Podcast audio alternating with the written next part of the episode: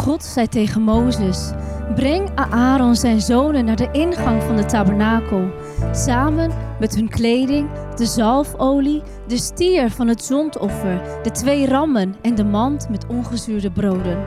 Laten alle Israëlieten zich daar verzamelen. Daarop werden alle Israëlieten bij, bijeengeroepen bij de ingang van de tabernakel. En Mozes zei tegen hen: Wat ik nu ga doen, heeft de Heere mij opgedragen. Toen liet hij Aaron zijn zonen naar voren komen en waste hen met water. Hij kleedde Aaron met het onderkleed, de ceintuur en de bovenmantel en hing het priesterkleed met de prachtige geweven gordel om zijn schouders. Daarna deed hij hem de borsttas om en plaatste de orakelstenen, de Urim en de Tumim in de buidel. En op Aarons hoofd zette hij de heilige tulband met de gouden platen voorop, precies zoals de Heere het hem had opgedragen. En toen nam Mozes de zalfolie en sprenkelde ervan op de tabernakel en op elk voorwerp dat zich erin bevond, zodat het heilig werd. Het altaar besprenkelde hij zevenmaal. En ook de onderdelen van het altaar en het wasvat met het voetstuk werden besprenkeld en daardoor geheiligd. Toen goot hij de zalfolie over het hoofd van Aaron om hem te heiligen. Dat wil zeggen, hem af te zonderen en te wijden voor zijn taak. Daarna hing Mozes de zonen van Aaron de mantels om met de gordels en de hoofddoeken precies zoals de Heere hem had opgedragen. Wauw, wat een introductie. Mozes waste Aaron en zijn zonen schoon. Mozes zalfde Aaron en zijn zonen. En dat is zo'n ontzettend groot beeld dat Jezus ons schoonwaste van onze zonde toen we ons lieten onderdompelen in het water toen jij je liet dopen. En dat we gezalfd zijn met zijn Heilige Geest is een waarheid die zo groot is. De vraag is alleen, voelen we ons en handelen we echt als echte priesters naar het beeld wat Aaron en zijn zonen ook waren? Want het is niet zomaar een beeld, maar een groot parallel over wie wij werkelijk zijn als je Jezus volgt. Als je je leven aan Hem hebt gegeven. Als je ondergedompen bent met jouw doop en voor altijd en voor eeuwig je oude leven en alles waar je spijt van hebt achtergelaten hebt. Dat je bewust bent dat je gezalfd en gezegeld bent met Gods Heilige Geest.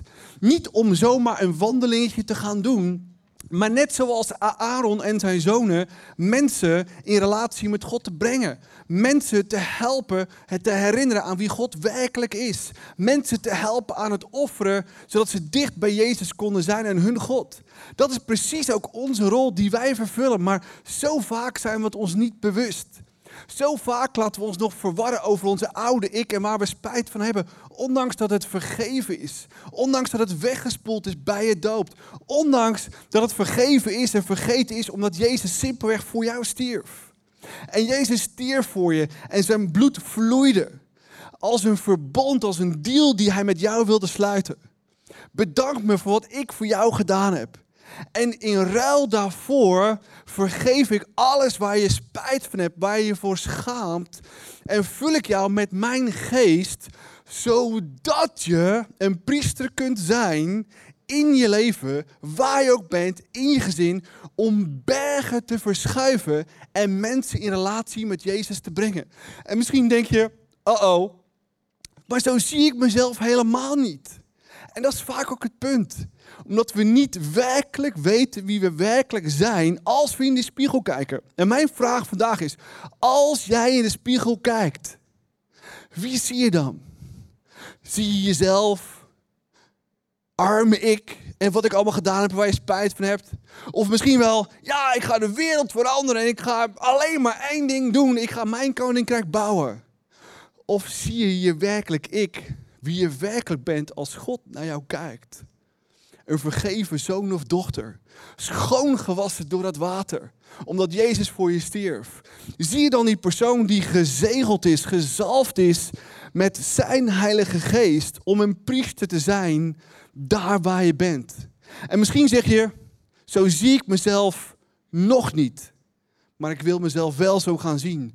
Maar waar moet ik in hemelsnaam gaan beginnen? Heaven, neem ons mee over hoe je een echte priester kunt zijn daar waar je bent. Yes. Dus om dat te ontdekken, starten wij eerst in het Oude Testament. En in het Oude Testament lezen we dat God Aaron koos en zijn zoons en al zijn nakomelingen om hem te dienen als priesters.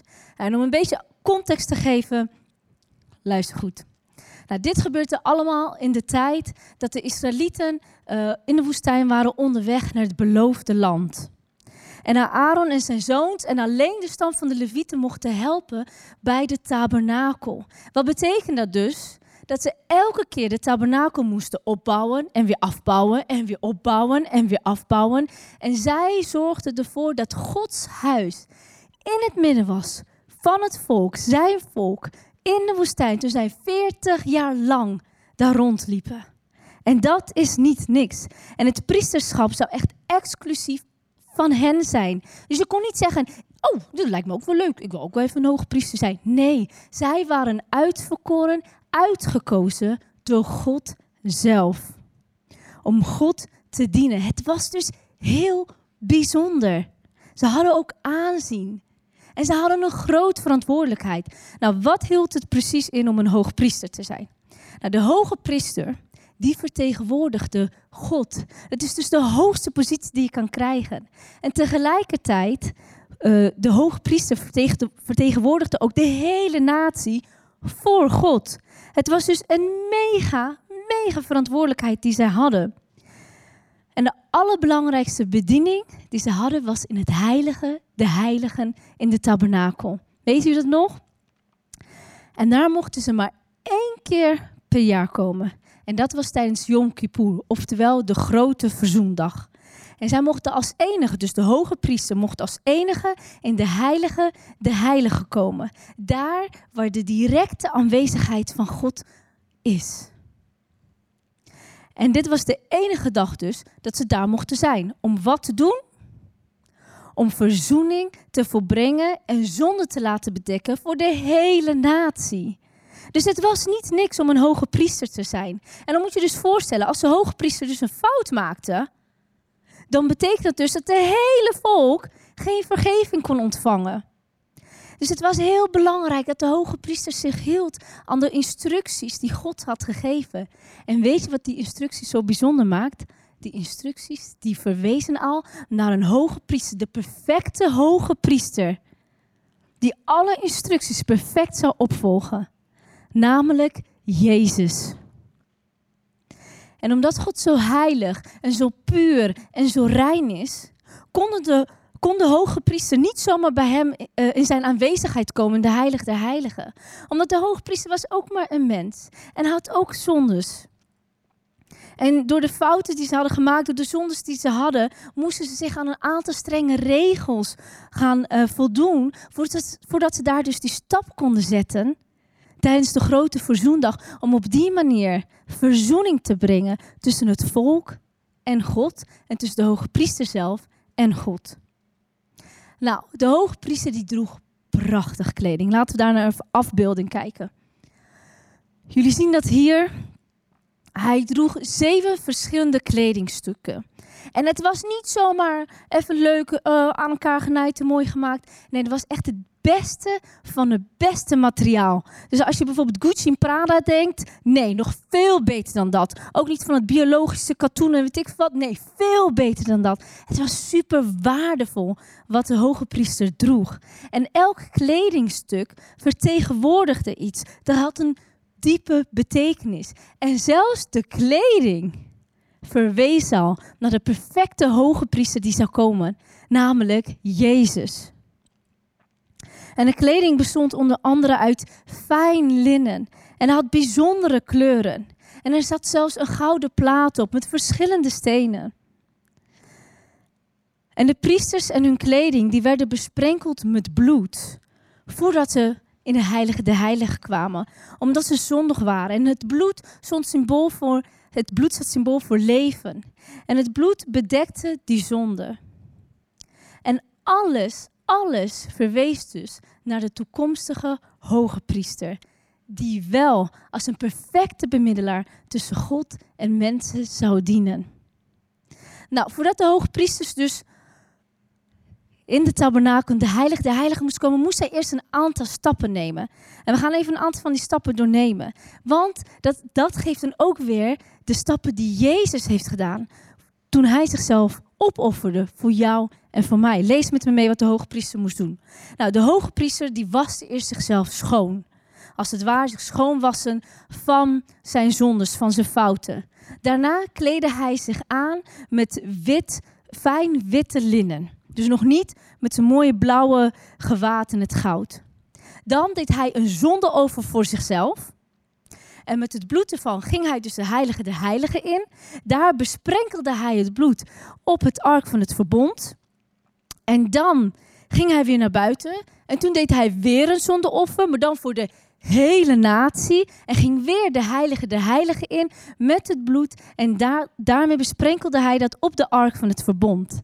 En dan kwam hij er weer uit en er was nog een zondebok. En als het ware zette hij alle zonden van het hele volk, van de hele natie op die geit. En die werd daarna de wildernis ingestuurd. En hierna trok hij zijn koninklijke gewaad aan. En als laatste werd er een brandoffer gebracht aan God. En hiermee werd dus verzoening tussen de hele natie en God volbracht.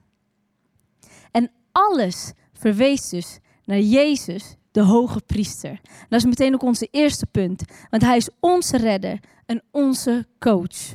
Lees met me mee in Hebreeën 4, daar staat: Dit betekent dat Jezus, de zoon van God, onze hoge priester is, die naar de hemel is gegaan om ons te helpen. Daarom moeten wij geen ogenblik aan hem twijfelen. Want deze hoge priester, die begrijpt onze zwakheden. Omdat hij dezelfde verleidingen heeft gekend als wij. Hij is hier naar de aarde gekomen. Hij heeft die verleidingen gekend. Hij kent onze zwakheden. Hij snapt jou. Hij begrijpt mij. Hij snapt ons. Maar hij heeft er geen ogenblik, ogenblik aan toegegeven. Hij heeft nooit gezondigd.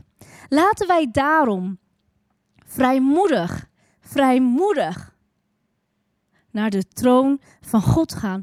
Om van Hem genade te ontvangen. Om hulp te krijgen. Juist in die ogenblikken dat wij het moeilijk hebben. Wij mogen naar God toe gaan in gebed. En we mogen Zijn genade ontvangen. Waarom? Omdat Jezus onze hoge priester is. En Hij heeft die vol die verzoening tussen ons en God gebracht. En lees met me mee. Nou komen hier de parallellen van de stappen die de hoge priester deed en de stappen die Jezus gedaan heeft. Jezus die deed zijn hemelse gewaad uit en zijn lichamelijke verschijning aan. Hij, de perfecte, de perfectie zelf, kwam hier naar een onperfecte wereld naar een imperfecte wereld voor jou en voor mij. En hij deed zijn lichamelijke verschijning aan. En hij waste zichzelf schoon door zijn doop. Nou, wat deed de hoge priester? De hoge priester die waste ook zichzelf schoon en hij kleedde zich aan in fijn witte linnen. Wat deed Jezus? Jezus die offerde zichzelf op voor de wereld. Hij werd zonde voor ons. Kan je het je voorstellen? Jezus zo perfect, zo bijzonder, zo prachtig. Hij nam vrijwillig al jouw zonde, mijn zonde, van de hele wereld, die nam hij op zich. En hij werd een zondebok voor ons. Zodat jij en ik vrij kunnen zijn van de zonde. Zodat jij en ik vrijmoedig die stap mogen zetten in geloof en daar ook echt op mogen gaan staan. En vanuit die waarheid mogen gaan leven dat jij en ik vergeven zijn. En wat deed de hoge priester? Alle zonden, zowel van de hoge priester zelf en het van het volk, werd op de kalf en de geit gelegd in gebed. En Jezus zelf was dus het zonde voor ons. de zondeoffer voor ons. Jezus bloed was het perfecte zondeoffer. Het was de perfecte verzoening. Weten jullie nog wat de hoge priester deed met het bloed van de zondeoffer van, de, uh, van het dier?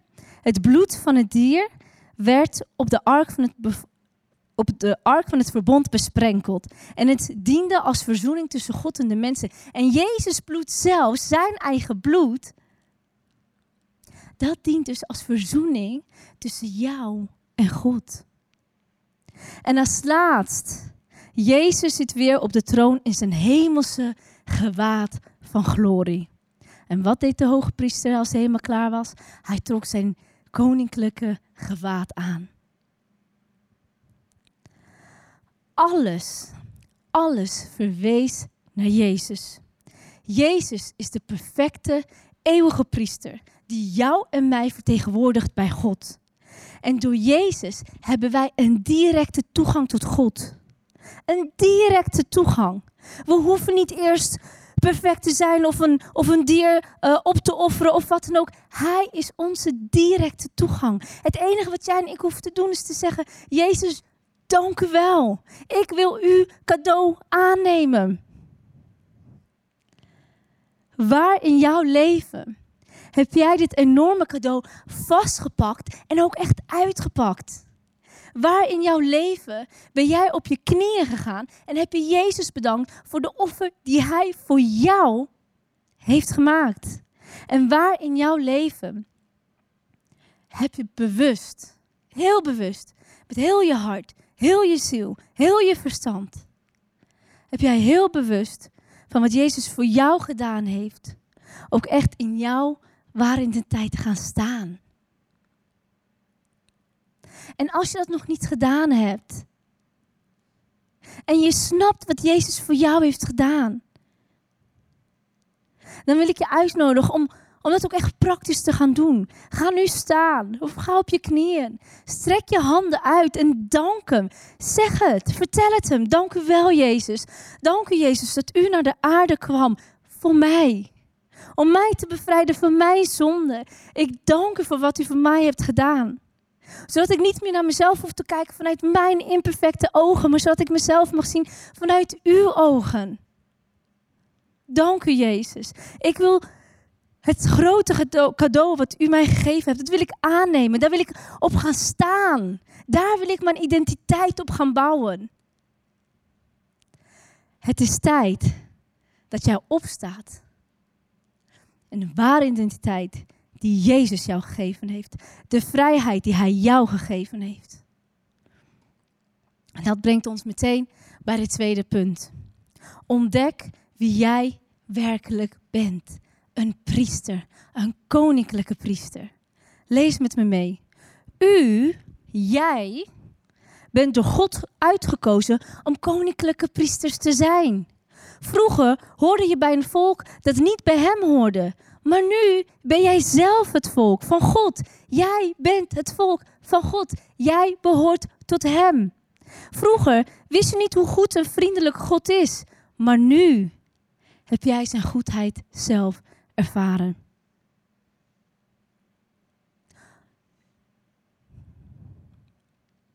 Ontdek wie je werkelijk bent. Nou, als je naar de spiegel kijkt en je kijkt naar je eigen spiegelbeeld, wie of wat zie je dan? Wie of wat zie je dan? Zie jij jezelf door je imperfecte ogen? Of zie jij jezelf hoe God jou ziet, jou maken? Wie zie je als jij in de spiegel kijkt? Misschien kijk je ernaar en, en denk je bij jezelf: ik zie een loser. Ik zie iemand die niet waardevol is. Ik zie een vader die zo teleurgesteld is in het leven. Een vader die zich misschien als een, als een loser voelt. Die geen goed voorbeeld kan zijn voor zijn kinderen, voor zijn vrouw. Misschien kijk je naar de spiegel en denk je bij jezelf: Ik ben zo dik, ik ben zo lelijk, ik ben niet goed genoeg, ik ben niet waardevol. Of als je naar de spiegel, naar je eigen zelfbeeld kijkt, dan denk je: ik zie alleen maar angst. Ik zie alleen verdriet. Wie zie jij als jij naar jezelf kijkt? Wie of wat zie jij? Want God, als jouw papa God, jouw maker, jou ziet, dan ziet hij zijn geliefde zoon, zijn geliefde dochter. Dat is wie jij bent. En wij moeten echt ermee kappen om onszelf maar elke keer naar beneden te halen. En maar elke keer alleen het negatieve en het lelijke van onszelf te zien. Daar moeten wij nou eens voor altijd mee stoppen. Want als we kijken naar wat Jezus voor jou en voor mij heeft gedaan. Het cadeau dat Hij aan jou en mij heeft gegeven. Wordt het dan niet eens tijd? Dat wanneer wij naar de spiegel kijken, naar ons eigen zelfbeeld, dat we onszelf zien zoals onze maker ons gemaakt heeft. Koninklijke priesters. Wij behoren tot Hem en niemand anders toe. Een aantal jaar geleden ben ik binnen ICF begonnen met counseling. En mijn counseling gaat om innerlijke genezing. En in gebed, altijd geleid door de Heilige Geest, uh, kijken we uh, naar de wortels. Waar een persoon zichzelf uh, geworteld heeft. Waarin de persoon zijn of haar identiteit heeft opgebouwd. We kijken ook naar verschillende ervaringen die hij of zij heeft meegemaakt. En altijd brengt Jezus innerlijke genezing bij die persoon. Een transformatie. En een tijd geleden kwam een vrouw bij counseling. En het was een vrouw die God kent. En zij kent Jezus, zij kent de Heilige Geest. En toch, tijdens counseling, ervaarde zij voor het allereerst in haar leven hoe haar papa God, haar maker, zo intiem en zo dichtbij tegen haar zei: Jij bent mijn geliefde dochter. En het was de allereerste keer dat zij dat zo intens en zo intiem ervaarde. En dat was niet alles. Want in gebed gaf hij ook een beeld. Een beeld van een gouden kroon. En die kroon mocht zij op haar hoofd leggen. En daarmee bevestigde hij haar: Jij bent mijn koninklijke priester. Jij bent mijn kind. Jij behoort tot mij. En hij gaf ook nog eens een gouden ring. En die gouden ring stond symbool voor de autoriteit die zij gekregen heeft van haar maken, haar papa God. En weet je wat er toen gebeurde?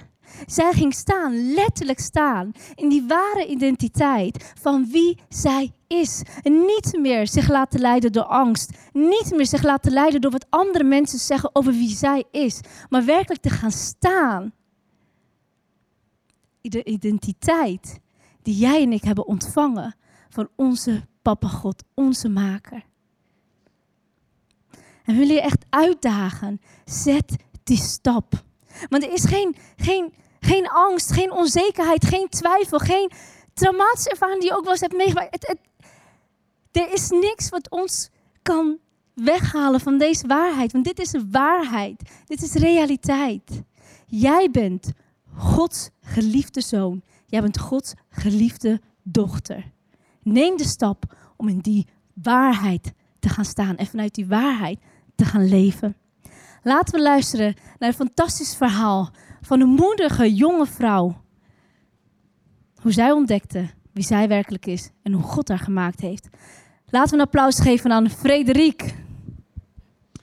Ja, dankjewel Heaven. Uh, heel hartelijk welkom Frederike Bertolij van Dammer. Uh, ook wel beter bekend als Frey, als we elkaar wat beter kennen. We kennen elkaar al uh, ontzettend lang. En ongelooflijk cool dat, je, dat we elkaar kunnen kennen. Um, je bent 28 jaar, verliefd, verloofd, getrouwd. Allemaal. Getrouwd inmiddels, ja, met jou Jessie. ongelooflijk cool. Um, huisje, boompje, beestje? Ja, ja, best wel. Lekker een huisje in Leiden. En uh, sinds een paar maanden ook uh, een superleuke kitten in oh, huis. Wow. Ja, is feest. En wat doe je in het dagelijks leven? Um, ja, ik zou zeggen dat ik um, junior consultant pensioenen ben. Zo jong en zo al bezig met oude dagvoorzieningen. Ja, nou dat, is, dat kan ik iedereen aanraden. Ja, dat is echt een goed het idee. Het lijkt ver weg, maar toch heel dichtbij. Ja, daarom. Je ja, kan het maar beter goed geregeld hebben. hey, bedankt dat je hier bent. We kennen je ook als een van de vocals hier op het podium. Fantastisch. Um, waar kom je vandaan? Hoe ben je opgegroeid? Uh, geloof, et cetera. Vertel ons meer. Nou, ik, ik kom uit het wonderschone Zeeland. Om precies te zijn uit Aha. een klein dorpje eh Ierseke. Ja.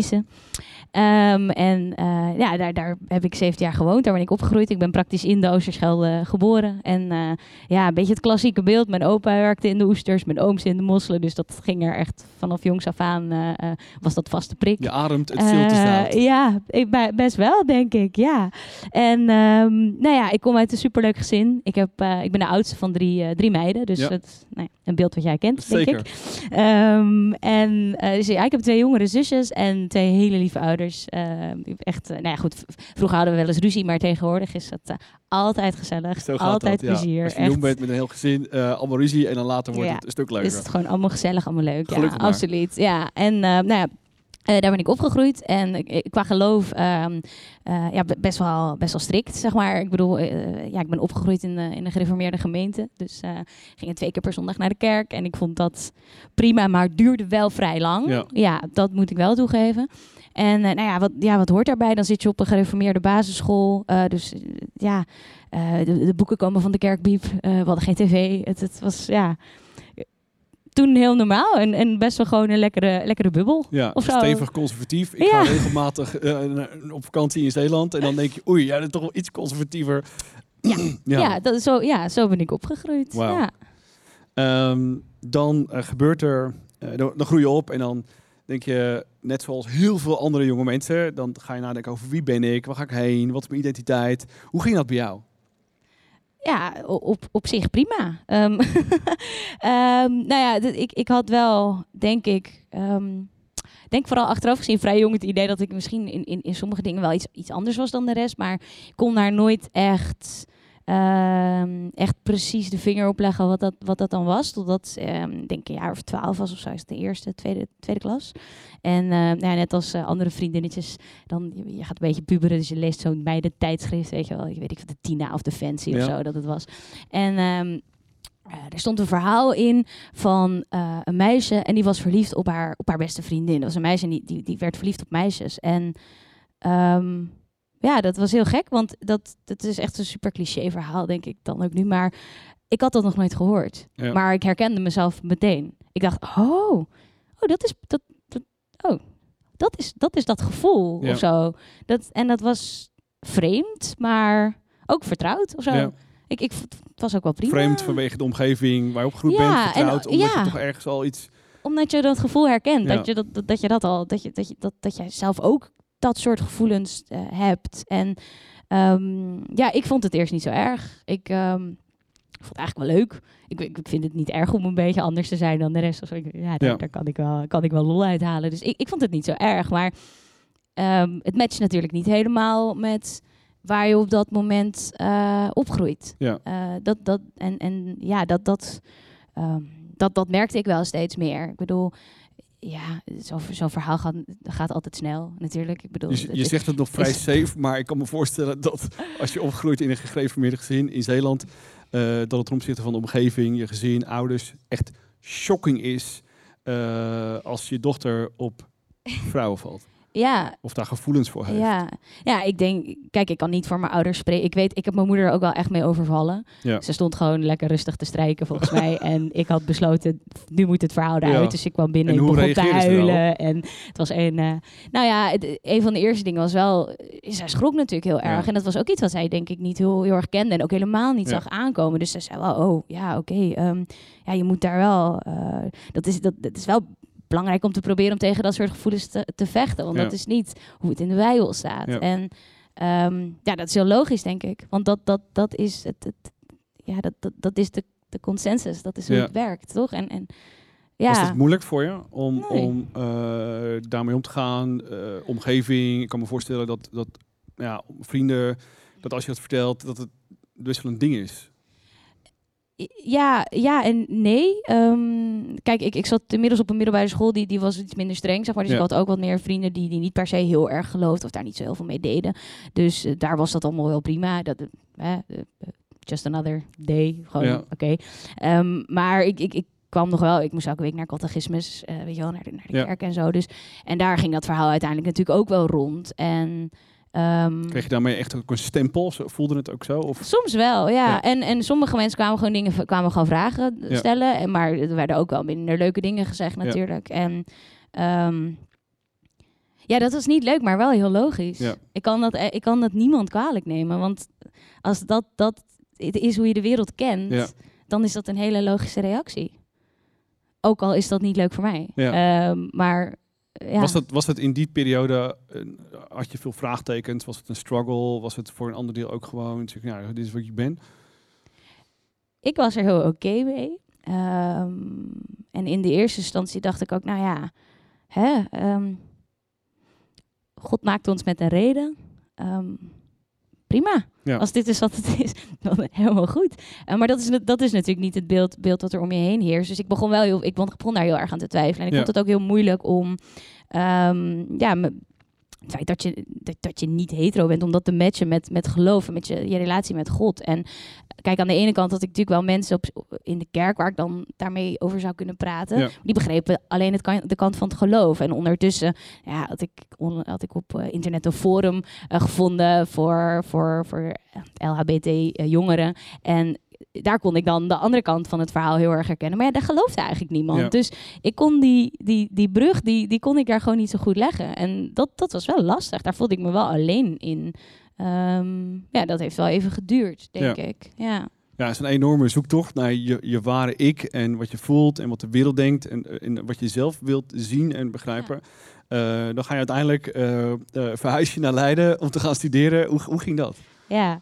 Ja, daar had ik onwijs veel zin in. Ik was, eh, ik was 17, ik was klaar met het gymnasium en klaar met Zeeland. Ik Ja. wilde heel graag weg. dat is, ja, toen was dat echt zo. In- Inmiddels verlang ik er ook wel weer naar terug hoor, naar Zeeland. Maar toen was het, het was mooi geweest, het was klaar. Ik wilde gewoon eh, eh, ja, op mezelf wonen en de wereld ontdekken. En ik wilde ook dat stuk, ja, gewoon iets meer vrijkomen uit, Ja. uit, uit die ja, gestuurde gedachtegangen, Ja. zeg maar. En nou, ik, ik moet wel toegeven, ik heb echt wel een jaar of drie, vier gedacht, joh, het, het zal allemaal wel. Het hoeft voor mij niet zo. Ik ga lekker doen wat ik wil. Eh, geloof dat, dat laat ik even links liggen. Ja. Dat, dat, dat, ja.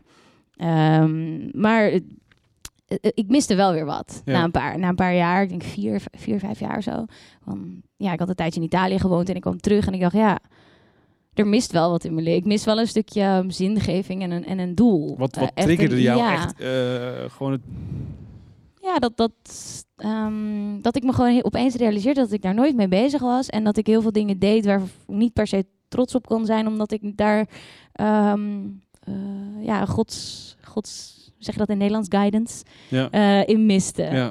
Eh, dat, dat triggerde mij. En ik, ik, ik raakte er een beetje eh, aan de praat met een vriend van me... waarvan ik eigenlijk helemaal niet wist dat hij geloofde. Maar die, die ging heel vaak naar de kerk. Dus ik denk, oh, oké. En die zei, ja, ehm, binnenkort ga ik eh, beginnen met een alfa-cursus. Superleuke kerk, superleuke mensen. Ga anders een keer mee. Dat, dat is dan misschien voor jou ook wel leuk. Kun je gewoon een beetje laagdrempelig eh, er weer instappen, zeg maar. En eh, nee, dat was superleuk. was heel gezellig. En ehm, nou, daar, zaten een paar mensen die ook wel eens hier kwamen. En eh, die zeiden op een dag, joh, we doen met kerst een musical. Eh, die kerk vind jij vast ook wel leuk. Ja, je bent een beetje op zoek naar, eh, naar, naar God, weer naar, naar een nieuwe invulling van, van geloof, persoonlijke invulling ervan. Ga met ons mee. Ik zei, nou, ja, helemaal prima. En ehm, dat was de eerste musical eh, die jullie deden. The way back, Way wat Back. eigenlijk wel Ja. grappig is. Dat je, Ja, inderdaad, de verloren zoon. ja. Ja, ehm, en nou, dat, was, dat was tof. En ik, ik dacht, nou ja, als dit zo leuk is, dan kom ik ook een keer naar een, Ja. normale zondag. En dat was ook leuk. En eh, ik ben eigenlijk nooit meer weggegaan. Ja. Ik, ik vond het gewoon, eh, het, het, werd echt een mooi nieuw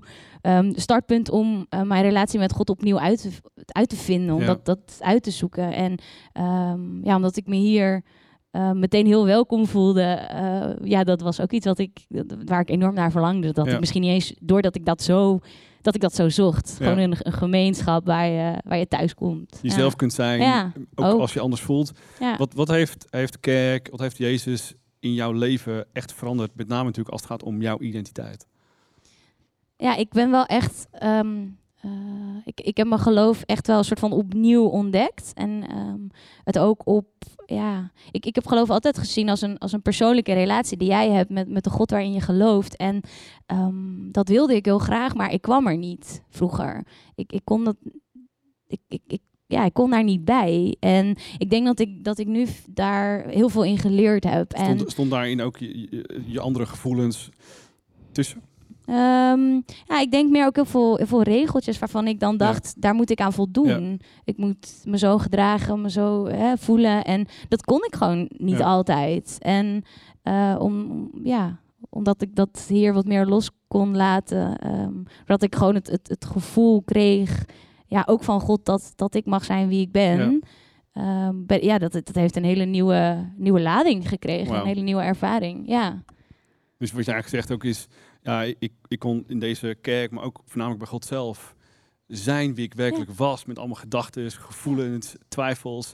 eh, En dat je daardoor Ja. echt ook meer jezelf kon zijn. Ja, en ik mocht dat. Ik, ik had ook echt het gevoel dat ik dat allemaal bij God neer mag leggen. Ja, Eh, en dat het niet erg is om daar soms over te twijfelen. Ik bedoel, kijk, ik was twaalf. Ik dacht, oh, ik val echt alleen op meisjes. Nou, het bleek niet zo te zijn. Ja. Prima, is ook niet erg. ja. Ehm, maar al die twijfels, al die, die, die, die wervelwind aan, aan gevoelens, dat, dat kon ik ook allemaal bij hem neerleggen. En dan kon ik echt rust ervaren. Ehm, dat, het, dat, dat, het, ja, dat het goed was. En dat God wel tegen mij zei van, weet je, je bent, ja, je bent oké.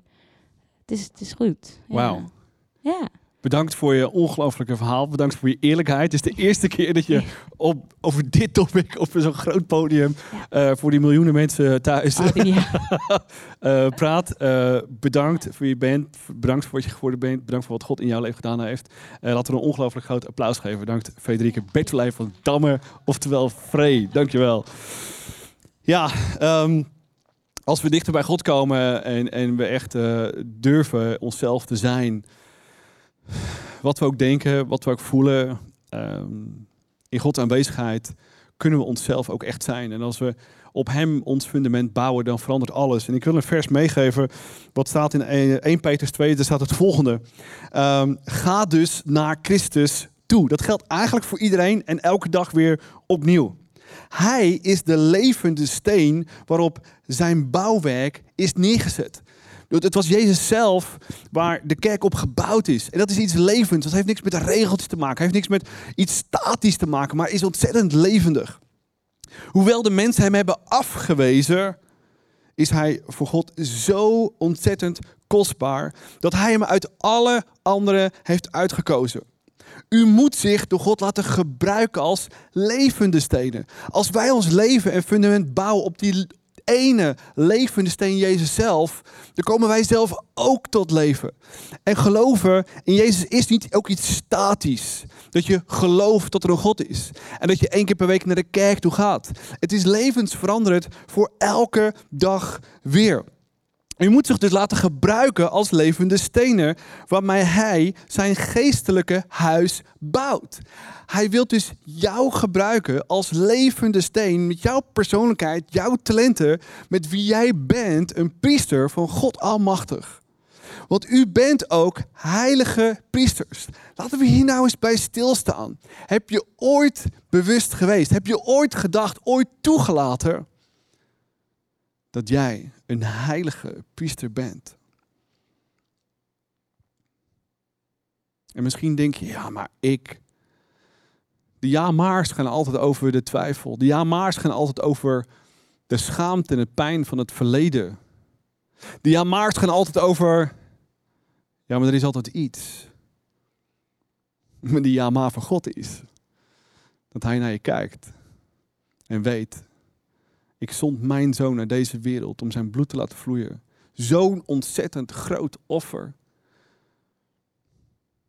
Om jij totaal schoon te vegen. Je totaal weer je waarde terug te geven. Je te omkleden met een koninklijke mantel. En vanwege Jezus ben jij een priester van God Almachtig. U bent de heilige priester die door Jezus Christus geestelijke offers brengen die voor God aanvaardbaar zijn. Zodra we toelaten dat we een priester zijn, zodra we toelaten om een priester ook te zijn waar we zijn, kunnen we geestelijke offers brengen. Waar God een glimlach van op zijn gezicht brengt. Maar ergens moeten we zeggen, weet je wat God?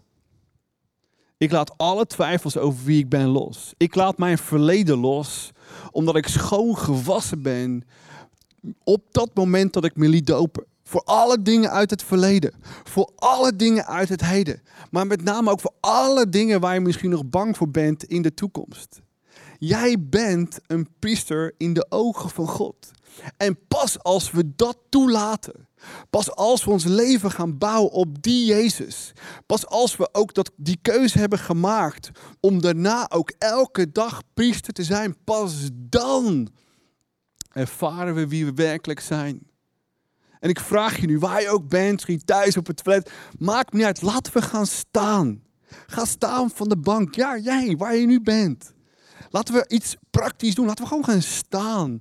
En gewoon gaan zeggen, God, bedankt voor dat kruis. Bedankt voor mijn doop. En als je nog niet gedoopt bent, laat je dopen. Het is zo fantastisch om iets praktisch te gaan doen. Om te weten, ik ben vergeven. Maar ook bewust te zijn dat zodra je je leven aan Jezus geeft, zodra je laat dopen, zodra jij zegt, Jezus, kom in mijn leven. Heilige Geest, kom in mijn wonen. Dat je gezield wordt met de Heilige Geest. Als merk dat je bij Jezus hoort. Als merk dat je een priester bent. Als richting dat je ook priester gemaakt bent om de wereld om je heen te veranderen. Net zoals de priesters het volk Israël helpten elke keer bij God terug te komen. Elke keer de zonde te vergeven. Elke keer te herinneren dat ze geliefd waren. Elke keer te helpen. Mensen bij Jezus te brengen. Als je nog niet staat, ga staan. En zeg Jezus, dank u wel voor het kruis. Dank u wel voor mijn doop. Dank u wel dat u mij gezield heeft, gevuld heeft, gezalfd heeft met uw Heilige Geest. Het beeld van het Oude Testament is zo groot. Dat elke keer als er een persoon gezalfd werd met olie, betekende dat letterlijk dat die persoon gevuld werd met Gods Geest. Om machtige dingen te doen. In het Oude Testament een uitzondering voor een paar mensen. Koningen, hoge priesters, leiders van het volk. Om iets bijzonders te doen. Maar na Jezus dood, diezelfde zalving, diezelfde Heilige Geest beschikbaar voor iedereen. Omdat God een revolutie wil losmaken in deze wereld als we gaan staan in onze roeping. Een echte priester te zijn. En ik hoop dat je hier nu durft te zeggen. En ik hoop dat je gaat staan en durft te zeggen. Zeg het samen met mij. God bedankt dat ik een priester ben. Laten we het nog een keer zeggen. God bedankt dat ik een priester ben in uw ogen. En dat het het enige perspectief is wat ik wil zien en wil blijven zien de rest van mijn leven. Dank je wel, Jezus. Laten we naar de laatste gedachte kijken. Wees een priester daar waar je bent. God heeft je schoongewassen van het verleden, heeft je gezalfd en gezegeld met zijn Heilige Geest. Niet om zomaar christen te zijn, niet om zomaar te denken dat God bestaat, niet om zomaar één keer per week in een kerkbank te gaan zitten. Nee, als God mensen zalft in het Oude Testament, als God zijn eigen zoon stuurt naar deze wereld, als Jezus zijn discipelen opdracht geeft, dan geeft hij hen de opdracht om iets in beweging te brengen. En God wil door jou iets in beweging brengen. Een van mijn favoriete versen is, lees met me mee. Een van mijn favoriete versen is in Petrus, 1 Petrus. Daar staat het volgende. Lees met me mee. Life changing, shocking. 1 Petrus 2. U bent door God uitgekozen om koninklijke priesters te zijn. Halleluja, praise the Lord. Laten we hem applaus geven. Dat is wat je bent. Laten we dat niet vergeten. Met name niet als je morgen weer de fout ingaat. En volgende week weer de fout ingaat. Want je wordt never nooit niet perfect. Je kunt er alleen aan werken om elke dag meer op hem te gaan lijken. Hoe God je ziet. En hoe je jezelf ziet, moeten we niet verwarren. Het enige perspectief is dat God ons uitgekozen heeft om koninklijke priesters te zijn. Vroeger hoorde u bij een volk dat niet bij hem hoorde. Ik wil niet weten waar ik geweest was zonder mijn God. Toen ik nog geen volgeling van Jezus was. Maar nu bent u zelf het volk van God en dus een priester. Vroeger wist u niet hoe groot en vriendelijk God is. En nu hebt u zijn goedheid zelf ervaren. En ik hoop dat je zijn goedheid ervaren hebt. Dat je weet dus wie je bent. En vandaag is de belangrijkste message in je hele leven. Als je dit niet snapt, als je dit niet toelaat, zul je voor de rest van je leven struggelen met wie je bent. Zul je voor de rest van je leven struggelen met wat je roeping is. Zul je voor de rest van je leven struggelen. Om daar waar je bent, je gezin, je kerk en je, je omgeving, hoe God je geplant heeft met jouw VIP's. Niet te weten wat je daarmee moet doen. Maar als je toegeeft, toelaat, snapt, begrijpt, voelt en ervaart, je de kippenvel van krijgt. Dat God je bestempeld heeft als priester, gezield, gezalfd met zijn Heilige Geest. Geroepen om in je gezin en in je kerk en met je VIP's op die gebieden echt iets te bewegen. Ja, God wil iets met je bewegen. Niet te denken dat je gelooft in een God. Niet één keer per week een kerk te bezoeken, maar een priester te zijn. In je gezin, in je kerk, in je omgeving waar God jou geplant heeft. Iets te bewegen, net zoals de Levieten. Het volk voor God bewogen om elke keer in relatie met God te komen. En wij zijn priesters. Als eerste in je gezin. Het eerste, het belangrijkste, het grootste wat er is. Je vrouw en je kids als man te leiden. Op basis van, ik ben een priester. En mannen, ga staan vandaag. Vrouwen, ga staan vandaag. Laten we niet zomaar onderdeel zijn van ons gezin. Maar ons gezin leiden in relatie met Jezus. Onze kids leiden in het besef en het bewustzijn dat we priesters zijn voor God Almachtig. Laten we onderdeel zijn van zijn kerk. Niet als bezoekers, niet als toeschouwers. Maar als priesters die verantwoording nemen. Die gaan staan achter de leiding van de kerk. Die gaan staan achter de roeping van de kerk. Of het nu Leider, Rotterdam, Amsterdam of waar ook ter wereld is. Laten we de kerk supporten. Kerk is geen verzinsel van mensen. Jezus start in zijn kerk en door jou heen wil hij dat we een licht voor de wereld zijn, een zout en zout, wat we de afgelopen week hebben gezien. Maar dat gebeurt pas als we toegeven en toelaten dat we priesters zijn voor God Almachtig. En God ook wil dat je niet zomaar een deel bent van je gezin. Hij wil ook niet dat je zomaar deel bent van je kerk. Hij wil ook niet dat je zomaar deel bent van een bedrijf of van de samenleving. Maar dat je op al die plekken een echte priester bent. Die mensen in relatie met God brengt die echt iets in beweging brengt. Dat heeft God voor je gemaakt. Daarom was het kruis zo heftig en groot. Niet om zomaar onderdeel te zijn van iets. Iets groots te bewegen. Omdat God zijn eigen zoon stuurde. Het grootste en belangrijkste wat hij had. Te sterven voor jou. En laat geen dag voorbij gaan dat je opstaat met het bewust zijn dat je priester bent voor God Almachtig. En dat je elke dag je gezin dichter bij jouw vader, bij onze vader brengt. Dat je elke dag je kerk een stukje verder brengt bij de roeping die ze heeft. Dat je je omgeving elke dag een stukje dichterbij brengt. Bij onze Jezus, onze fantastische God. Zodat ook zij gaan ervaren hoe groot en machtig en liefdevol onze God is. Dat we gaan staan als je nog steeds niet staat. Dat we dankbaar zijn hier nu op dit moment voor wat Jezus voor jou gedaan heeft. Laten we hem danken voor de identiteit die hij ons gegeven heeft. En laten we die identiteit toelaten hier nu op dit moment. Zullen we samen bidden? Wees dank u wel voor wie u bent. Dank u wel voor uw kruis. Dank u wel voor uw ongelooflijk grote offer. Niet om ons te overtuigen van een nieuwe mening. Niet om ons één keer per week naar een kerk te laten gaan. Maar ons de kippenvel te geven ons totaal te reinigen van wie we zijn. Ons verleden, heden en toekomst. Onze nieuwe identiteit te geven. Met een koninklijk gewaad. Bewust te zijn. Ik ben een priester van God Almachtig. En als je die keuze nog nooit gemaakt hebt, als je Jezus nog nooit bedankt hebt, laten we het hier en nu dan doen. Jezus, bedankt voor het kruis, bedankt voor uw offer. Bedankt dat het zo groot was om echt iets in mij los te maken.